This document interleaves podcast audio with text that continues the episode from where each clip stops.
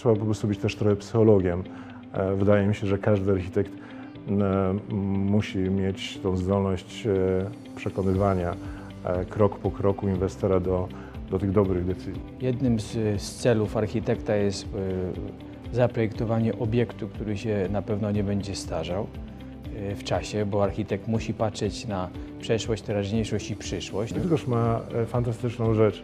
E, e, Tutaj jest uregulowana rzeka. Jest ona, e, miała w, tamtych czasach, jak, jak tutaj przyjeżdżałem pierwszy raz, to widziałem ten potencjał. Teraz staramy się tą rzeczywistość no, odczarować od tamtych siermierznych czasów i budować projekty, miejsca do mieszkania, które mają być i estetycznie bardzo piękne, co się udaje, mają być wygodne, również co się udaje, bo lokujemy parking pociągu, mają bardzo bezpieczne być.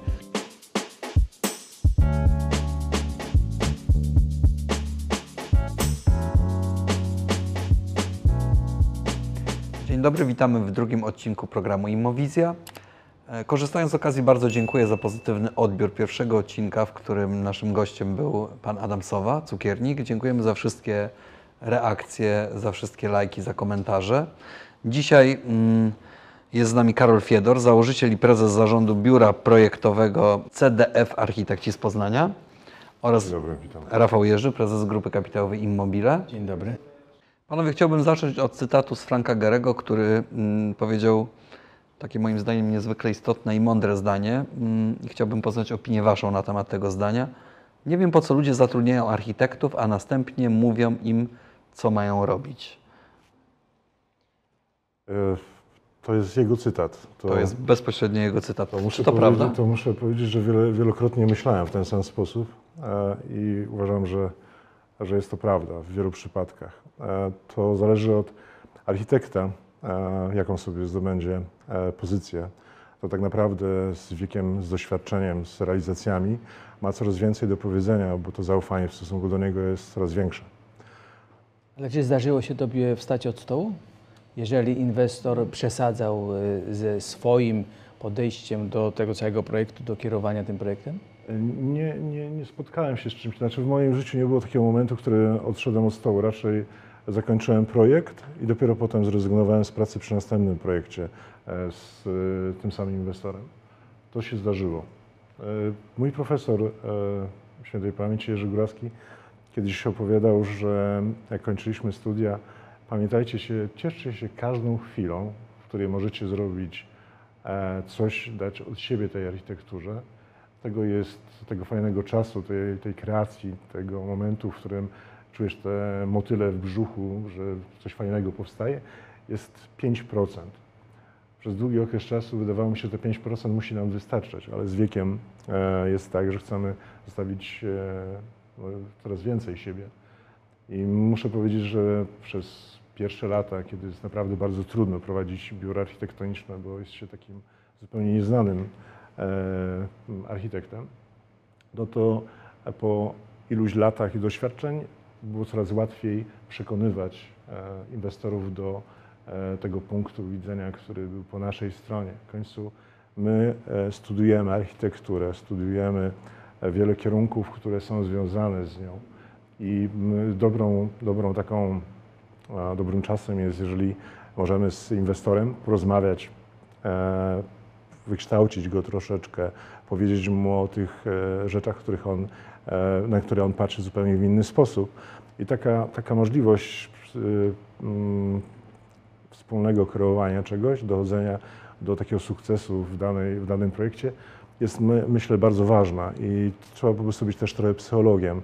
E, Wydaje mi się, że każdy architekt musi mieć tą zdolność e, przekonywania e, krok po kroku inwestora do, do tych dobrych decyzji. No to jeżeli kroków. chodzi o e, Ja się z Gerem nie zgadzam. E, Jeżeli chodzi o Waszą relację, bo ja mam tą przyjemność, że dzisiaj, e, że dzisiaj tutaj siedzą na tych fotelach osoby, które z jednej strony Karol jest architektem, Rafał reprezentuje inwestora, jest inwestorem i razem współpracowaliście. Współpracujemy, E, nadal. I razem współpracujecie. No to jak to wyglądało i jak to wygląda? Słuchaj, no to jest y, szanowanie nawzajem swoich y, y, mikrocelów. Jednym z, celów architekta jest y, zaprojektowanie obiektu, który się na pewno nie będzie starzał w czasie, bo architekt musi patrzeć na przeszłość, teraźniejszość i przyszłość, czyli to, jak ten obiekt będzie wyglądał w przyszłości w, w tym otoczeniu. I to Karolowi wychodzi i tu y, muszę mu pogratulować i dać mu nagrodę pierwszą. Ja już.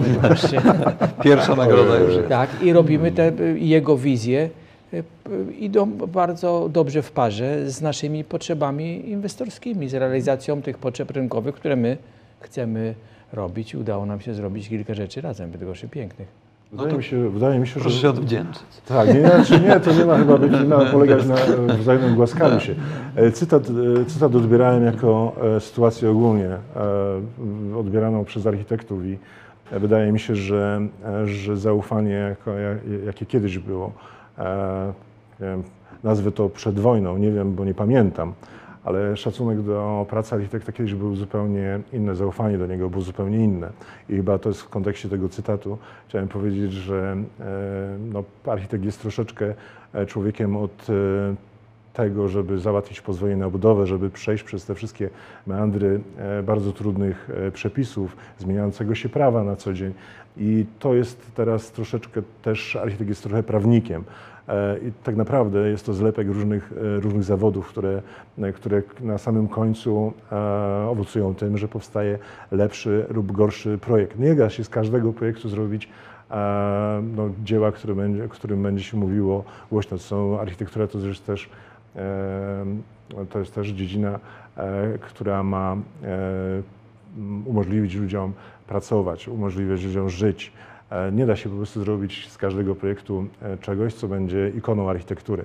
W No, naszym to konkretnym, w naszym Nie ma takiego celu, bo my robimy tak, e, użytkowe obiekty. Tak, ale w naszym konkretnym, bo ja teraz jakby robimy chciałem muzeum się zrewanżować troszeczkę, ale nasza współpraca miała bardzo dużo szczęścia.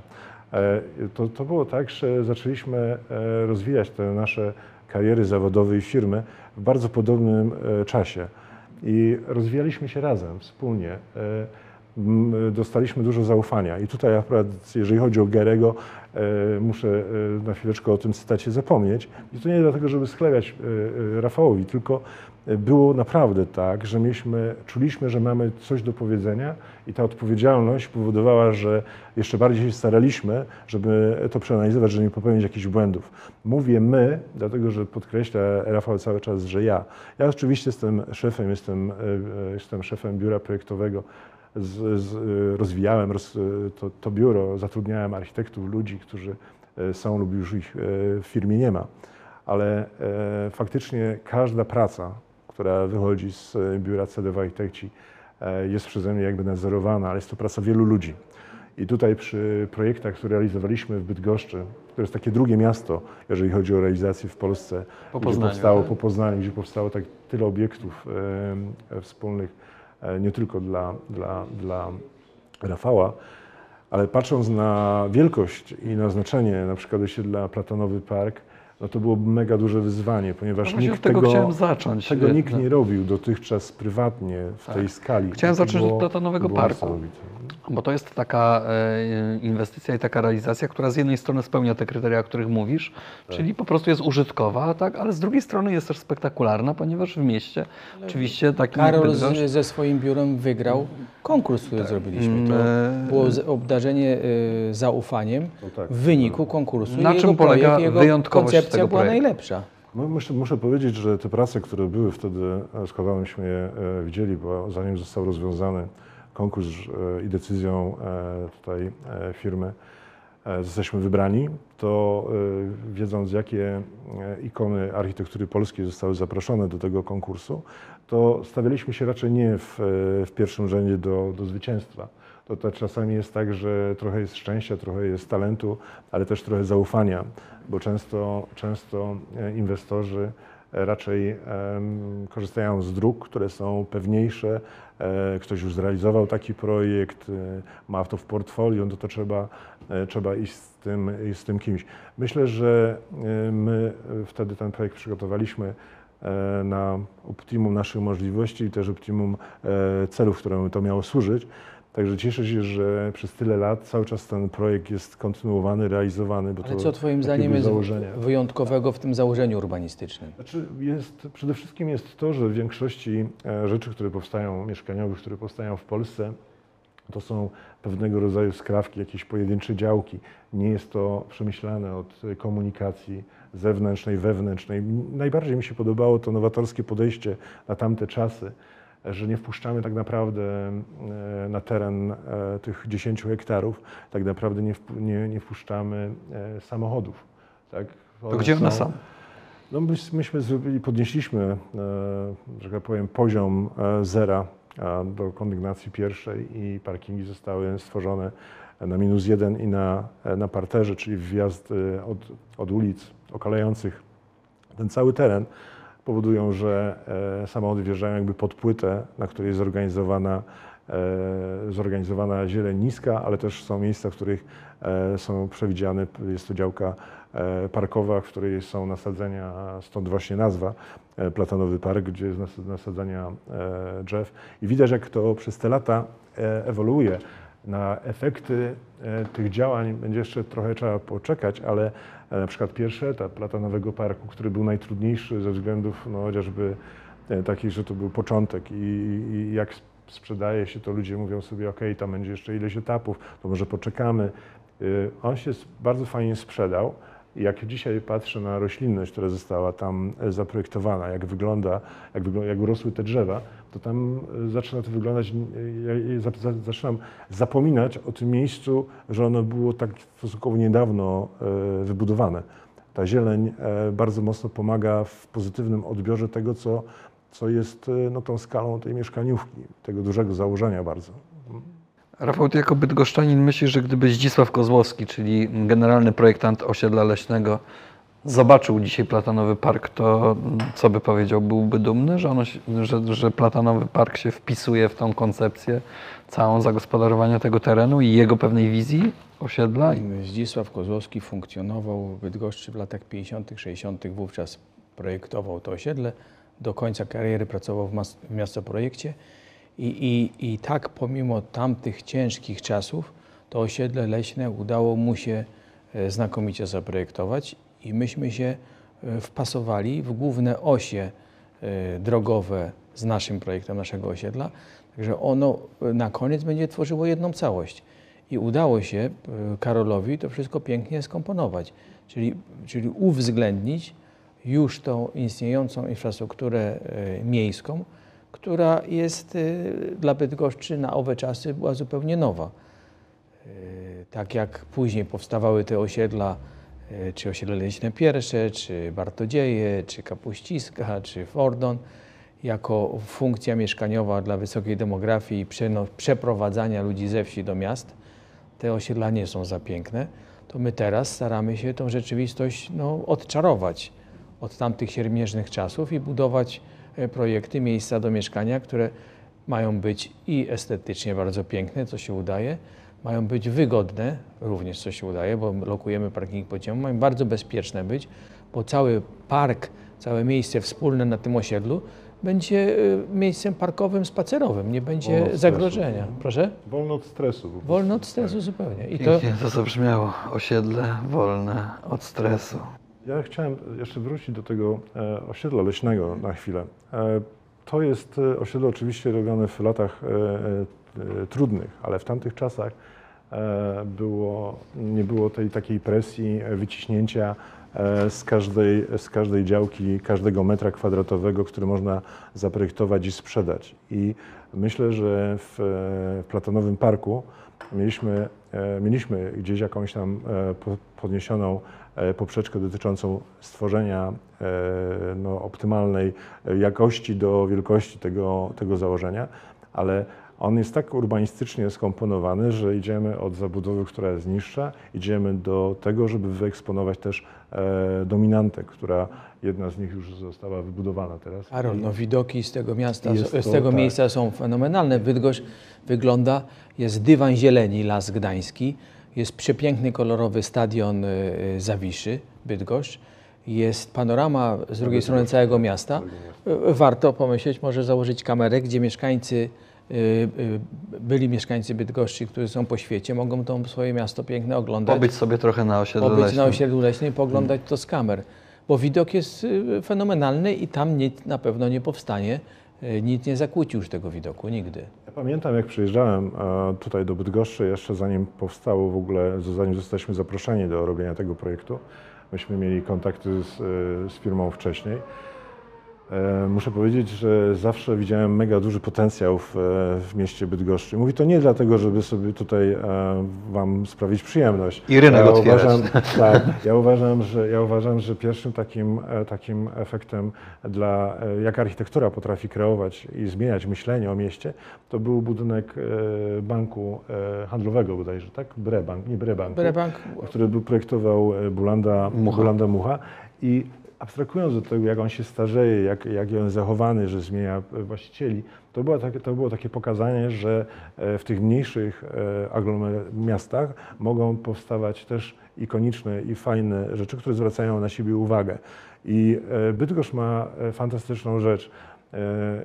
Tutaj jest uregulowana rzeka. Jest ona, miała w, tamtych czasach, jak, jak tutaj przyjeżdżałem pierwszy raz, to widziałem ten potencjał wyspy. E, Miejskiej. pa- Patrzyłem tak, pat- patrzyliśmy na, na to, że wchodzimy do, do kamienicy na parterze, a się schodzi cztery piętra prawda, w dół. To zróżnicowanie tych terenów i tak dalej, to, to, to nie w każdym mieście e, funkcjonuje.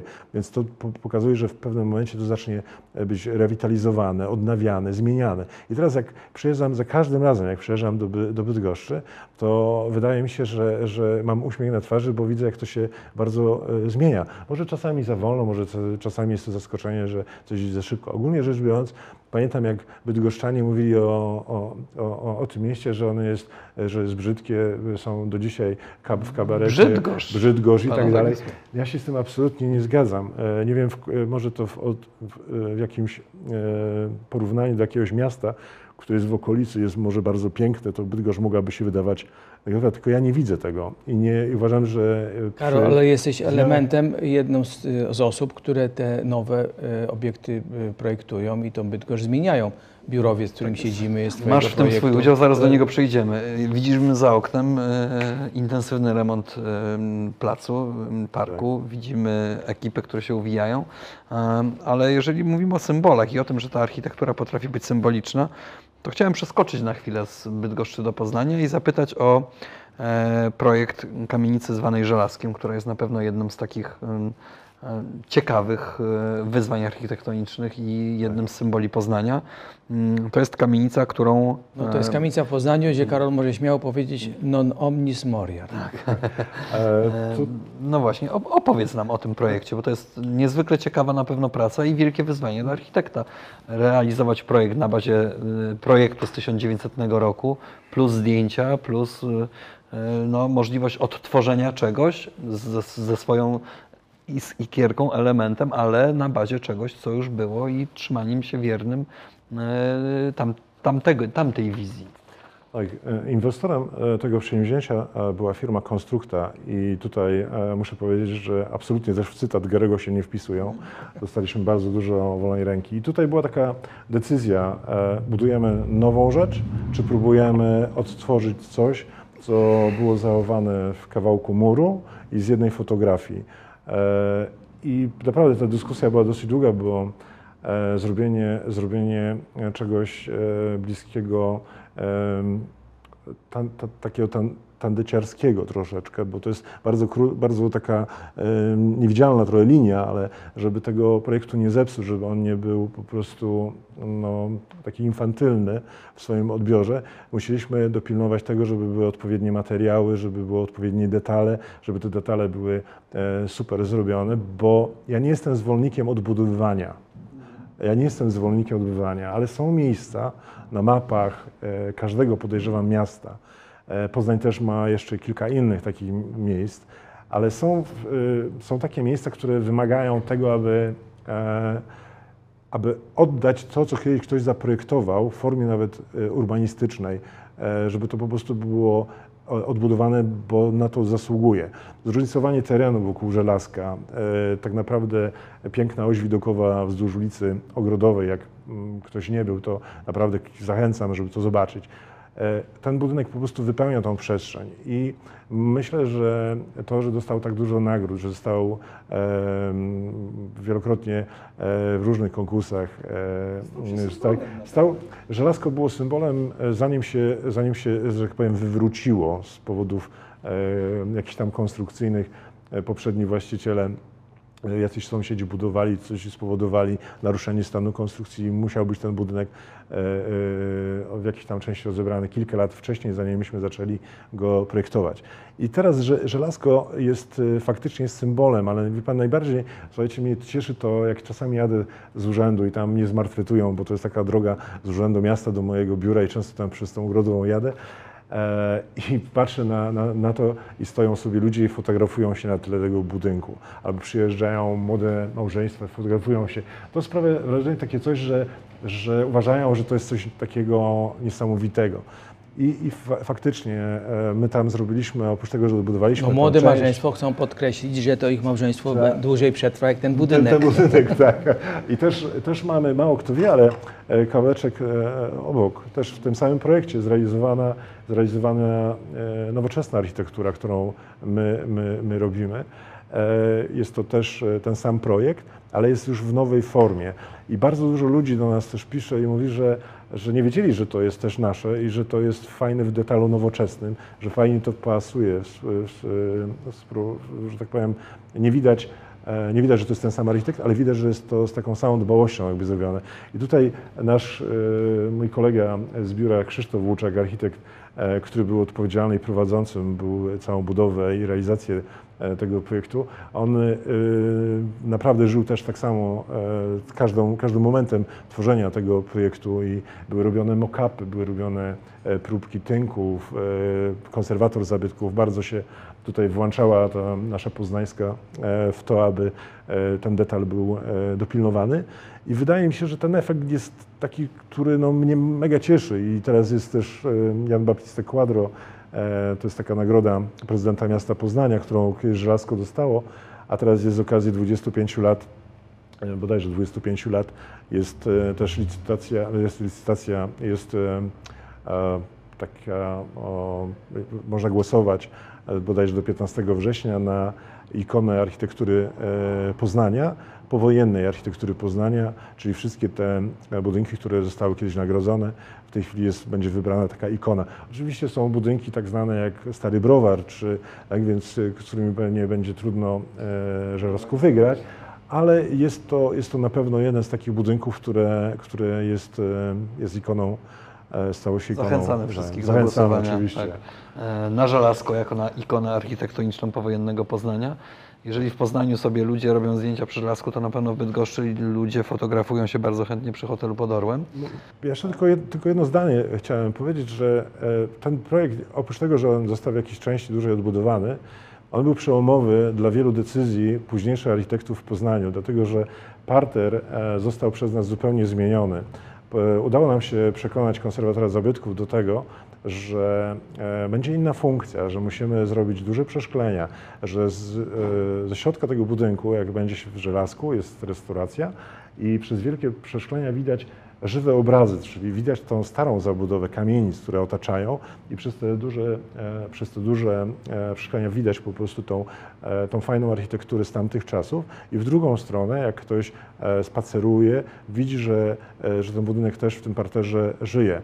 I tu udało nam się właśnie to coś dodać, te 5% No to zmienić, które było nie, ani nie przesadzone, a było po prostu w punkt, że ten pomysł spowodował, że ten budynek ma swoją historyczną wartość, ale ma też coś, coś nowego. I teraz w wielu projektach w Poznaniu e, witryny, e, które mają zarabiać tak naprawdę, bo te partery zarabiają na całą kamienicę, tak jest, nie wiem, Berlin jest tak stworzony, że po prostu, żeby e, móc, e, móc e, zarobić te czynsze na odbudowy, na remonty, na serwisy, to e, konserwatorzy zabytków czy urzędnicy, którzy są za to odpowiedzialni, otwierają tą przestrzeń po to, żeby po prostu mo- mogła ona zarabiać. I ona jest super, bo ona e, wprowadza ludzi do środka. Są potem dziedzińce, oficyny i można przejść po prostu przez całe kwartały takimi połączonymi ogrodami.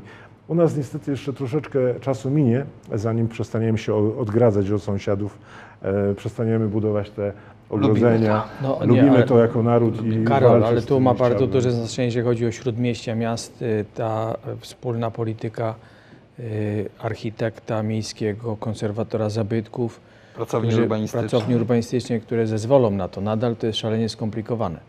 Tak, to, to prawda. Tylko jak się będzie o tym mówiło nawet na takich fajnych spotkaniach jak tutaj, to, to może jest mały głos, ale może zaczną się ludzie na tym, e, ci, którzy decydują, zastanawiać. pochylać tak, i to zmieniać. Bo zawsze mówimy o tym, że jesteśmy zachwyceni. Karol nie tylko zmienił Poznań y, w, w tym kontekście y, budynku Żelazko z otwarciem tej części usługowej, parterowej, przepięknej, tak jak to w Genewie, w tych starych zabytkowych budynkach jest bardzo powszechne, popularne, że te partery są przeszklone, przepięknie świecące się różnego rodzaju ekspozycjami i restauracjami i luksusowymi sklepami, ale również y, uczynił jeden z pierwszych jego projektów, szalenie odważny, Y, Może nie, nie, nie wiem, czy go lubisz, czy nie, ale to miało ogromne znaczenie dla miasta Poznania, bo później ciebie naśladowali.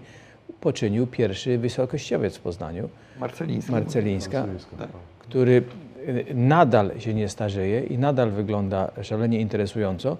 I tu też należy mi się gratulacje, czyli jesteś tym architektem, którego budynki, projekty Odważna się nie przebudowa starzeją. budynku, który funkcjonował gdzieś tam w latach 90. i 80. bodajże, tak? To, mm, Tak, to, to, był, to był pierwszy, pierwsza część, to był budynek, który był e, modernizowany, rozbudowany, a później do, do, do tego do, dostawiliśmy nowy, nowy budynek. Lubię ten, lubię ten projekt.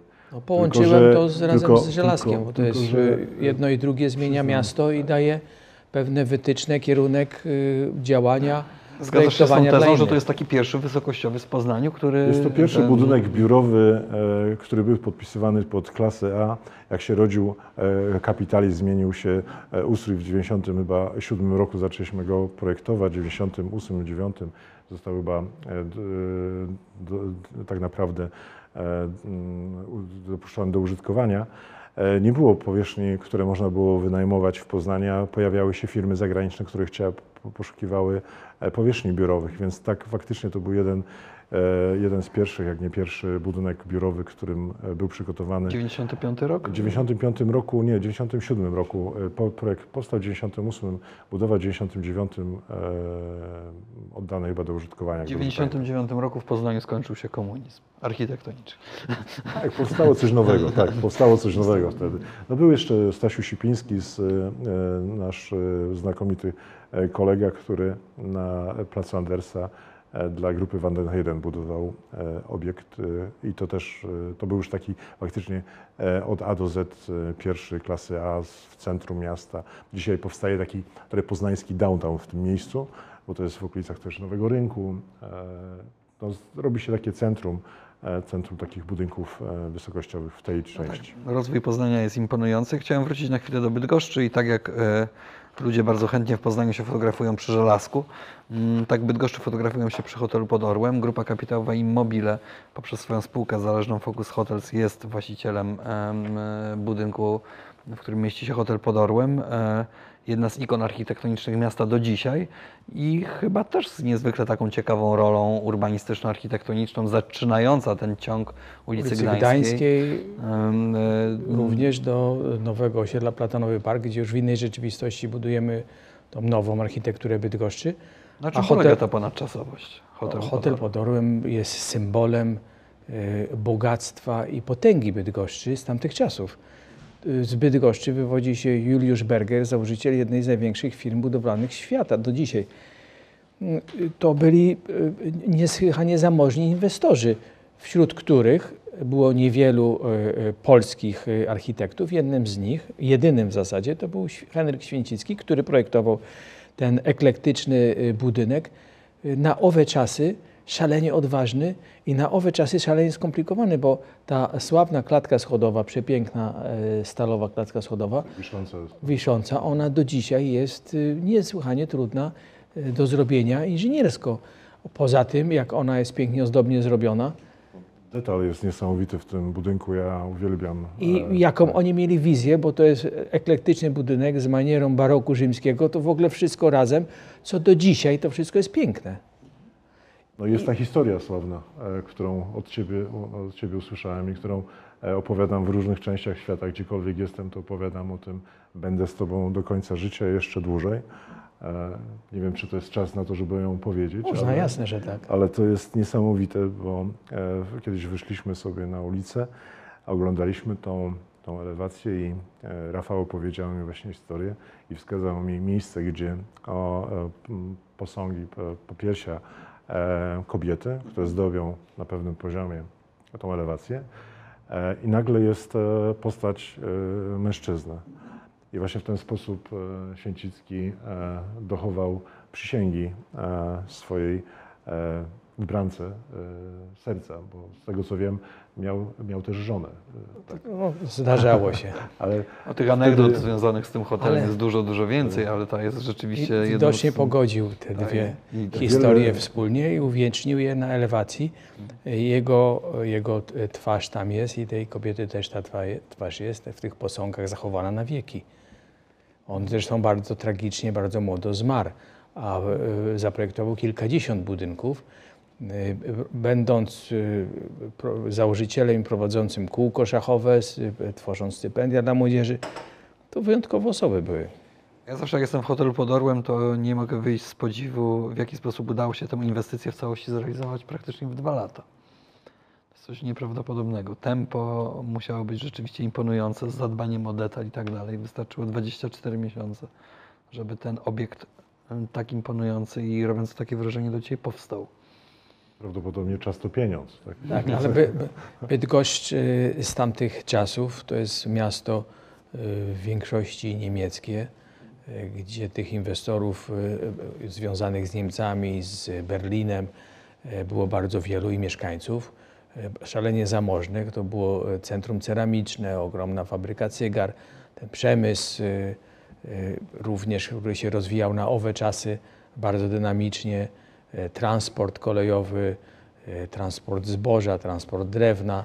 To wszystko Bydgoszcz była na owe czasy szalenie rozwinięta. W 20 roku wróciła do Polski i to był napływ mieszkańców głównie Wielkopolski.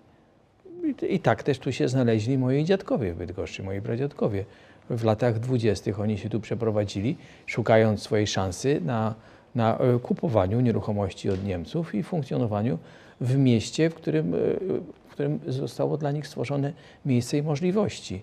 Jak wiadomo, Wielkopolska kocha przedsiębiorczość Zresztą- i przedsiębiorczość kocha Wielkopolskę. My jesteśmy, y, y, y, i ty, i ja jesteśmy z Wielkopolski, rodziny też są z Wielkopolski. Mm, Jesteśmy w budynku mm, Immobile K3 przy Placu Kościeleckich. E, Dzisiaj e, gościmy w restauracji La Rosa w tym budynku, za co bardzo, bardzo dziękujemy. I do restauracji La Rosa serdecznie zapraszamy. Mm, Powiedzcie coś panowie o tym budynku, bo przecież ten budynek e, powstał dzięki wam. Co w Tak, tym budynku jest wyjątkowego? Jak on się wpisuje? w- To, że udało się go wybudować, to jest e, według mnie bardzo... Na czym e, polega ta wyjątkowość w ogóle wybudowania? No, pięć lat staraliśmy się o warunki zabudowy, pozwolenie na budowę, to, to był okres pięciu lat. Później mieliśmy wspólne założenia, żeby spróbować zmienić cały kwartał. To się nie udało, bo by y, ten cały kwartał, który tu nas otacza, zresztą Karol zrobił taką koncepcję, na całość, tak, koncepcję. na, koncepcję na całość. Staraliśmy się przekonać e, współwłaścicieli lokalnych, e, sąsiednich nieruchomości, w tym miasto przede wszystkim, do takiego patrzenia na śródmieście, że należy to zmieniać kwartałami. I to wówczas dopiero będzie dawało ten zaczyn do nowego życia tych miejsc, do zmiany, do trwałej zmiany tej okolicy, bo no to się nie udało, ale nie szkodzi. Nam się udało zrobić piękny obiekt biurowy, który szalenie funkcjonalny.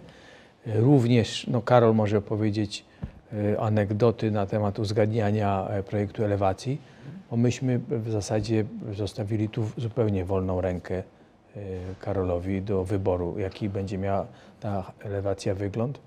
I Twoje dyskusje z konserwatorem, z, Tak, no, z miastem. Wy- Wydaje mi się, że to jest e, w tamtych czasach ten, ten, e, ten budynek stanowił e, zupełnie wyzwanie nie tylko dla inwestora i dla architekta, ale też dla całej grupy urzędniczej. I myślę, że, że to było, to było nie- nie- niełatwe dla nas, ale też niełatwe dla nich. I pamiętam, że parę razy byliśmy tutaj na, na takich konsultacjach, przedstawialiśmy ten projekt, pokazywaliśmy wszystkim zainteresowanym.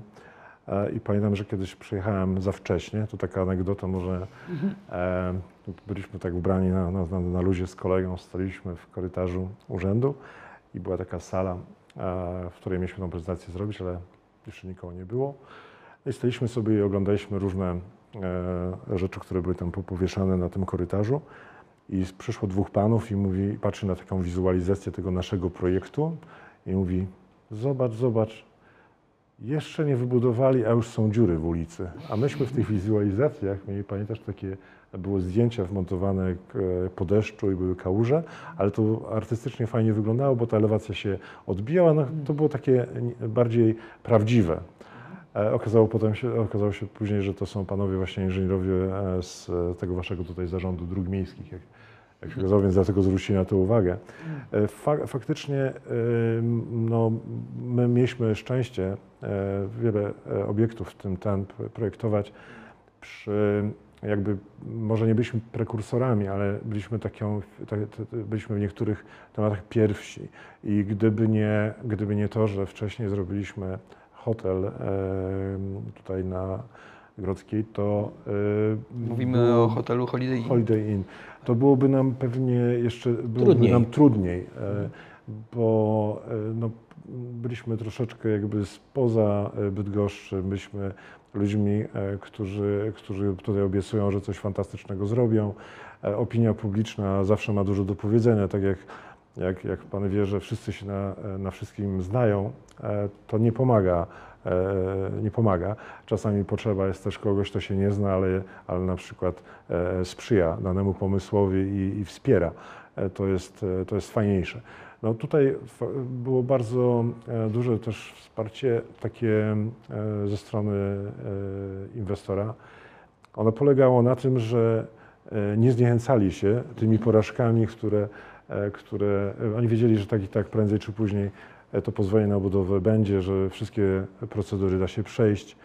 E, Chcieliśmy zmieniać, pamiętam, ilość miejsc parkingowych. Okazało się, że polityka miasta i to jest akurat coś, co Bydgoszcz wyprzedziła jakby myślenie e, współczesne, te- teraz w dzisiejszych czasów, żeby ograniczać ilość miejsc parkingowych w centrach e, i nie dopuszczać do tego, żeby te samochody wjeżdżały. Wtedy się wydawało nam to dokładnie odwrotne, że schować te samochody, bo tak wszyscy przyjeżdżają samochodami. Dzisiaj to myślenie, e, szczególnie w skali miasta Bydgoszcz, centrum Bydgoszczy, no wydaje się, że samochód jest zupełnie niepotrzebny, że można się bez niego e, obejść, bo to jest wszystko taki, e, taki dystans e, spacerowy, jak to mówią Anglicy, walking distance, więc miasto często nie potrzebuje tego.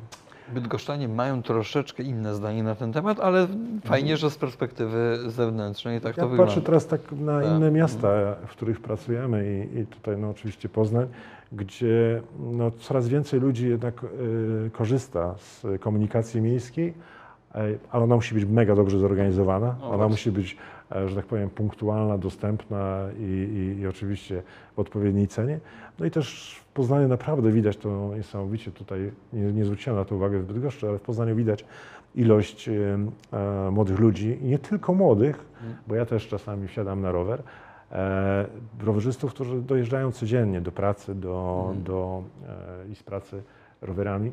Coraz fajniej jest ta infrastruktura, infrastruktura dla nich przygotowana. Więc to też chyba jakoś tutaj do Bydgoszczy Tak. prędzej czy później. Ten trend jest ewidentnie Tak. coraz bardziej widoczny. E, Co łączy kuchnię i architekturę? Co łączy kuchnię i architekturę? Kuchnię i architekturę. Pytam teraz nie tylko architekta, ale pytam również restauratora. Aha. Tak, tak. E, Nie spodziewałem się tego pytania, ale e, tak, to jest bardzo dobre pytanie. Sobie teraz układam odpowiedź w głowie. E, Przede wszystkim e, architekci zazwyczaj chodzą głodni. nie mają czasu, bo nawet jak sobie zaplanują, że coś zjedzą, to właśnie jest poważny telefon od inwestora, który jest na krótkim lądzie i on chce bardzo szybko odpowiedzi, więc trzeba wszystko rzucić. Człowiek rozmawia z kimś dwie godziny i zamiast zjeść lunch jest już pora, e, prawda, kolacji. Ale tak zupełnie, zupełnie poważnie. Em, Pracowałem w różnych miejscach na świecie, uwielbiam podróżować. Jeszcze wiele rzeczy chciałbym zobaczyć, jeżeli e, zdrowie pozwoli, chciałem jeszcze parę rzeczy zobaczyć, ale w wielu miejscu, miejscach byłem i zawsze e, poza architekturą interesowała mnie e, lokalnie kuchnia. I ubolewałem, że wracając do, do Polski jest tak mało miejsc, w których, w których jest e, dobrojakościowo e, restauracja. Pomijając oczywiście naszą polską doskonałą kuchnię, ja e, oczekiwałem tego kolorytu, który jest w innych, w innych krajach, innych, innych miastach. Tego nie było. To się oczywiście teraz bardzo mocno zmieniło dzięki promocji w ogóle sposobu życia, dbania o zdrowie, mnóstwo restauracji powstało i tak dalej. I pomysł w 2015 roku, jak oddawaliśmy do użytku mój, e, moje biuro, miałem e, takie, takie połączenie trzech funkcji biznesowej. Robiliśmy e, budynek biurowy, później swoje biuro, czyli praca mojego biura, obok restauracja i pawilon sztuki, który miał, który miał jakby zamykać to kręg moich zainteresowań.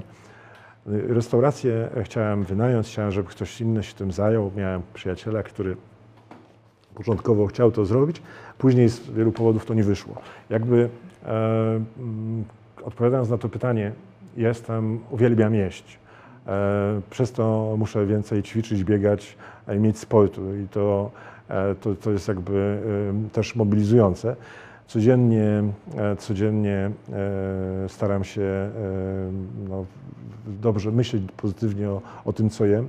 Więc restauracja, którą stworzyliśmy, bo do tego Pan bije. Restauracja pod nazwą Tu. tak, restauracja pod nazwą Tu. Właśnie tu, czyli tam, stworzyliśmy restaurację, która, która jest miejscem, w którym ja się bardzo dobrze chciałem czuć. Czuję się w tym miejscu dobrze. I myślałem o nim, jak stworzyłem to, że jeżeli ja się dobrze tutaj czuję, to większość ludzi też się powinna tutaj dobrze czuć. I teraz e, restauracja ma rok, więc jest jeszcze bardzo młodziutka ale mamy świetny staw, mamy świetnych ludzi. E, można powiedzieć, że jak mi ktoś mówi, Boże, to jest taki trudny biznes, ta restauracja, to na pewno się, e, Boże, czy w coś się władowałeś.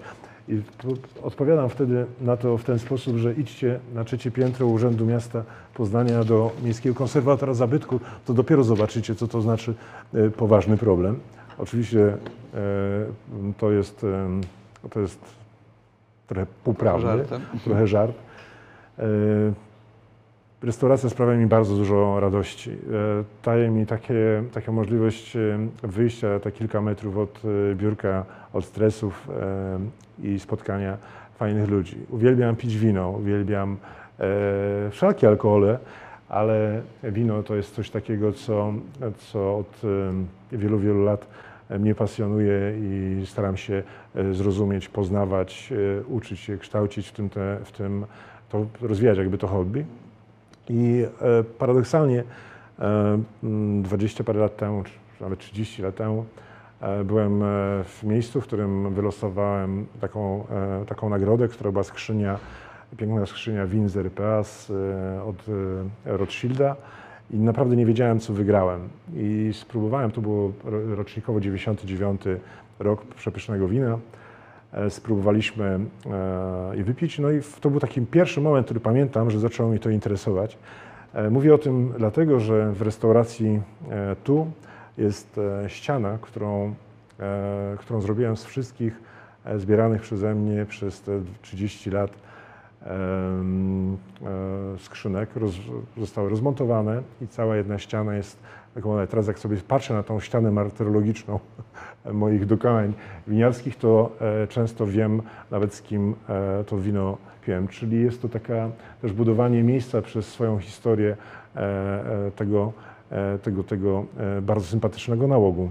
In vino veritas, ale Vino Karol, veritas. pomimo tego, że rok tylko prowadzi tą restaurację, już ma wyróżnienie Michelin, Bid Gourmand, Aż mnie kusi, żeby zapytać, bo co może się e, skończyć gwiazdkami. Z tego co mi wiadomo, to ta pytać. procedura, e, ta procedura wyróżnienia Michelin jest tajna, e, więc e, no, tak, taka jakaś dziennikarska wena nakazuje e, odtajnić, jeżeli tylko można i co można.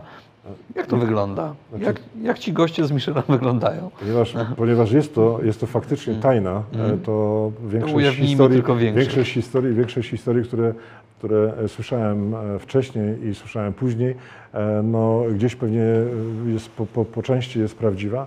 Tak, na, tak, na, tak naprawdę to my mieliśmy niecały rok i nie liczyliśmy na to, że w ogóle ktoś do nas trafi, bo to jest bardzo mało jak na restaurację. Okazało się, że poznańska organizacja turystyczna e, przy jakichś tam e, e, okolicznościach udało im się nawiązać kontakt. I e, Z tak, tak. Wiadomo, że w Warszawie i w Krakowie to funkcjonuje jakiegoś czasu i nie wiem na jakiej zasadzie oni wchodzą w dane miasto, ale pewnie są jakieś, jakieś, jakieś rytuały, które powodują, że to jest niesamowita, niesamowita promocja miasta.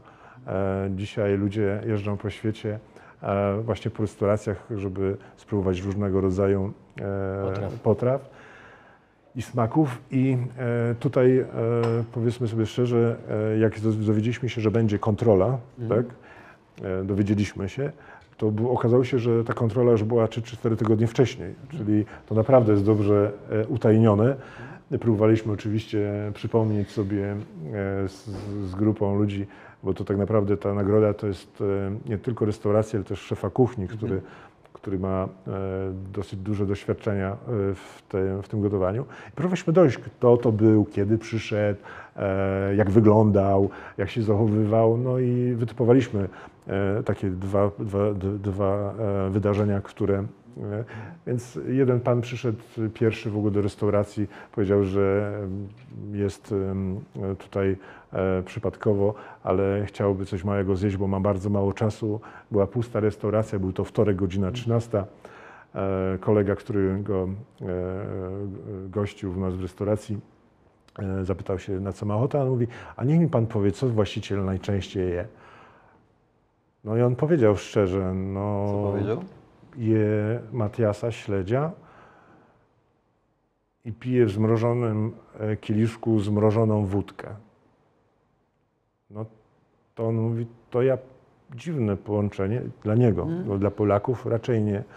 I on mówi, to ja poproszę. No i dostał, dostał był, tym, był tym zdziwiony, ale był, smakowało mu. Później sobie coś tam jeszcze domówił, no i, e, i zniknął. Kilka dni ponoć później była druga kontrola ludzi, którzy zwracali uwagę na, to była para, która się zachowywała dosyć, e, dosyć dziwnie, bo troszkę się, e, troszkę się e, sprzeczali, troszeczkę się kłócili. On był taki, jakby sprawiał wrażenie człowieka, który e, poprawia co chwilę kelnera, mówi coś tam, że to mu proszę szybciej, dlaczego tak długo i w ogóle tak się zachowywał. A oni to znosili bardzo dzielnie i, i byli cały czas dla niego bardzo mili, tak jak powinno to wyglądać. No i później po e, dwóch czy trzech miesiącach dostaliśmy mailowo informację, która była skierowana na maila restauracji tu, em, że e, proszą, e, to przyszedł chyba z Londynu ten mail, proszą o przygotowanie odpowiednich materiałów, opisów, fotografii, e, bo e, jest nasza, nasza restauracja jest rozpatrywana e, do e, rekomendacji e, w ich przewodniku, który e, zagościł w mieście e, Poznań. E, I faktycznie e, po jakimś tam czasie dostaliśmy informację o tym, że będzie wręczanie, e, wręczanie na terenach międzynarodowych targów poznańskich, będzie wręczane, wręczane właśnie te wyróżnienia i e, rekomendacje. E, Braliśmy w tym udział, to było bardzo duże wydarzenie. E, Wręczał, wręczał, wręczali to ludzie ze światu właśnie tych kulinarnych spraw, plus prezydent miasta Poznania. E, To bardzo fajna uroczystość, przede wszystkim e, uroczystość, która podnosi, e, podnosi mi się wydaje też trochę rangę turystycznie miasta Poznania, dołączyła jako trzecia. wydawało mi się zawsze, że Poznań jest dosyć takim konserwatywnym trochę miejscem, ale okazało się, że, że jeżeli chodzi o e, e, ten kulinarny liberalizm, to jest bardzo do przodu. Mówię o, o, o, e, o takim podejściu konserwatywnym do myślenia o wychodzeniu do restauracji, bo jak wiecie, Poznań nie jest e, e, konserwatywny, tylko ma takie przez wiele, wiele lat Poznaniak wolał pójść do domu na kotleta schabowego niż spędzić czas poza domem. I takie, tak, tak wielu ludzi odbierało e, Poznań. Ja osobiście też e, byłem przekonany, że te kilka restauracji, które jest w Poznaniu, to, to, to, to sobie e, no, funkcjonuje w jakiś tam sposób, ale więcej nie jest tego potrzebne. Byłem zaskoczony z tych rekomendacji, że jest wiele takich ikonicznych restauracji, które się nie znalazły e, w tych rekomendacjach.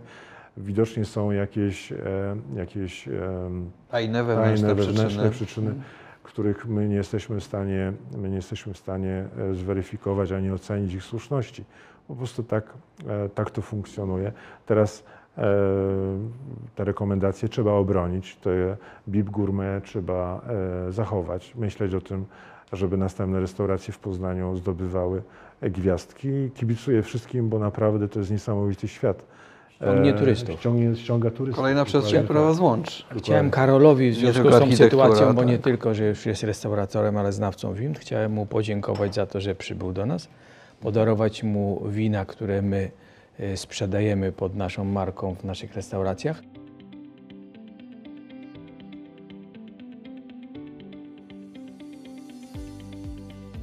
Chciałem zakończyć takim poważnym pytaniem. Wino już na stole. Francis Fukuyama powiedział kiedyś koniec historii. Czy można powiedzieć, że nastąpił już koniec architektury? Nie.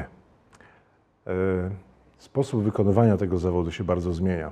E, Mam nadzieję, że sztuczna ige- inteligencja, że rozwój technologiczny e, nie zastąpi myślenia. Jednak architektura to jest myślenie. Ja patrząc Proces na twórczy. Proces, tak, proces twórczy to jest e, coś, czego, czego chyba nie da e, się zastąpić. E, Można pójść na łatwiznę, można robić e, domki z katalogu, które tak i tak e, potem wyglądają tak, jak wyglądają. E, to powinno być w ogóle zakazane. E, ale myślenia, e, myślenia e, e, nie zastąpi się i to, e, to jest jedyna rzecz, która powoduje w moim myśleniu, e, że mm, taka nadzieja, że, że architektura absolutnie nie umiera. Jest tak dużo rzeczy do zrobienia jeszcze, jest tak dużo inwestorów chętnych do tego, żeby e, coś pozostawić po sobie, bo nie tylko e, żeby zarobić, ale też są inwestorzy tacy, którzy zostawiają i to tak jak mówiliśmy, mówiliśmy o Święcickim, tyle lat nie żyje, nie ma tego człowieka, się cały czas o nim mówi. E, Chciałbym, żeby przy tych wybitnych, fajnych projektach, które robią moi koledzy, koleżanki, e, żeby też mówiono o tym, kto był tym mecenasem, kto zaufał e, w tym, żeby to ten architekt mógł zrealizować, a firma budowlana, żeby mogła to wybudować. To też powinno być gdzieś zaszane. Kiedyś był taka, była, była taka tradycja, że przy wszystkich projektach umieszczaliśmy tabliczki z e, informacją, kto projektował, kto był e, Inwestorem. inwestorem. I, I myślę, że to e, jest, e, jest fajny zwyczaj, bo ludzie podróżują, tak jak e, po wspomnianych restauracjach, też, też przy okazji e, zwiedzają miasta, zwiedzają e, zabytki, zwiedzają nowe budynki, które, o których się mówi, pisze i których, które warto jest zobaczyć po prostu na, na żywo. I wtedy warto by było, gdyby też e, publikować to, e, kto e, za tym stoi. Tego nie ma i myślę, że też warto by było sobie nad tym popracować. Często proszę zobaczyć, ile jest publikacji architektonicznych, gdzie jest pokazane, pokazane kto sfotografował ten obiekt, a nie jest wymieniony architekt. To też jest brak wychowania i brak jakby no, takiej Kultury informacji, informacji tak. To, Słuszny postulat, panie prezesie, żeby, mm, żeby również y, podkreślić, kto jest inwestorem danego miejsca, danego budynku, a nie tylko architekta. Trochę parafrazując powiedzenie, nikt nie pamięta, jak się nazywał zastępca Juliusza Cezara.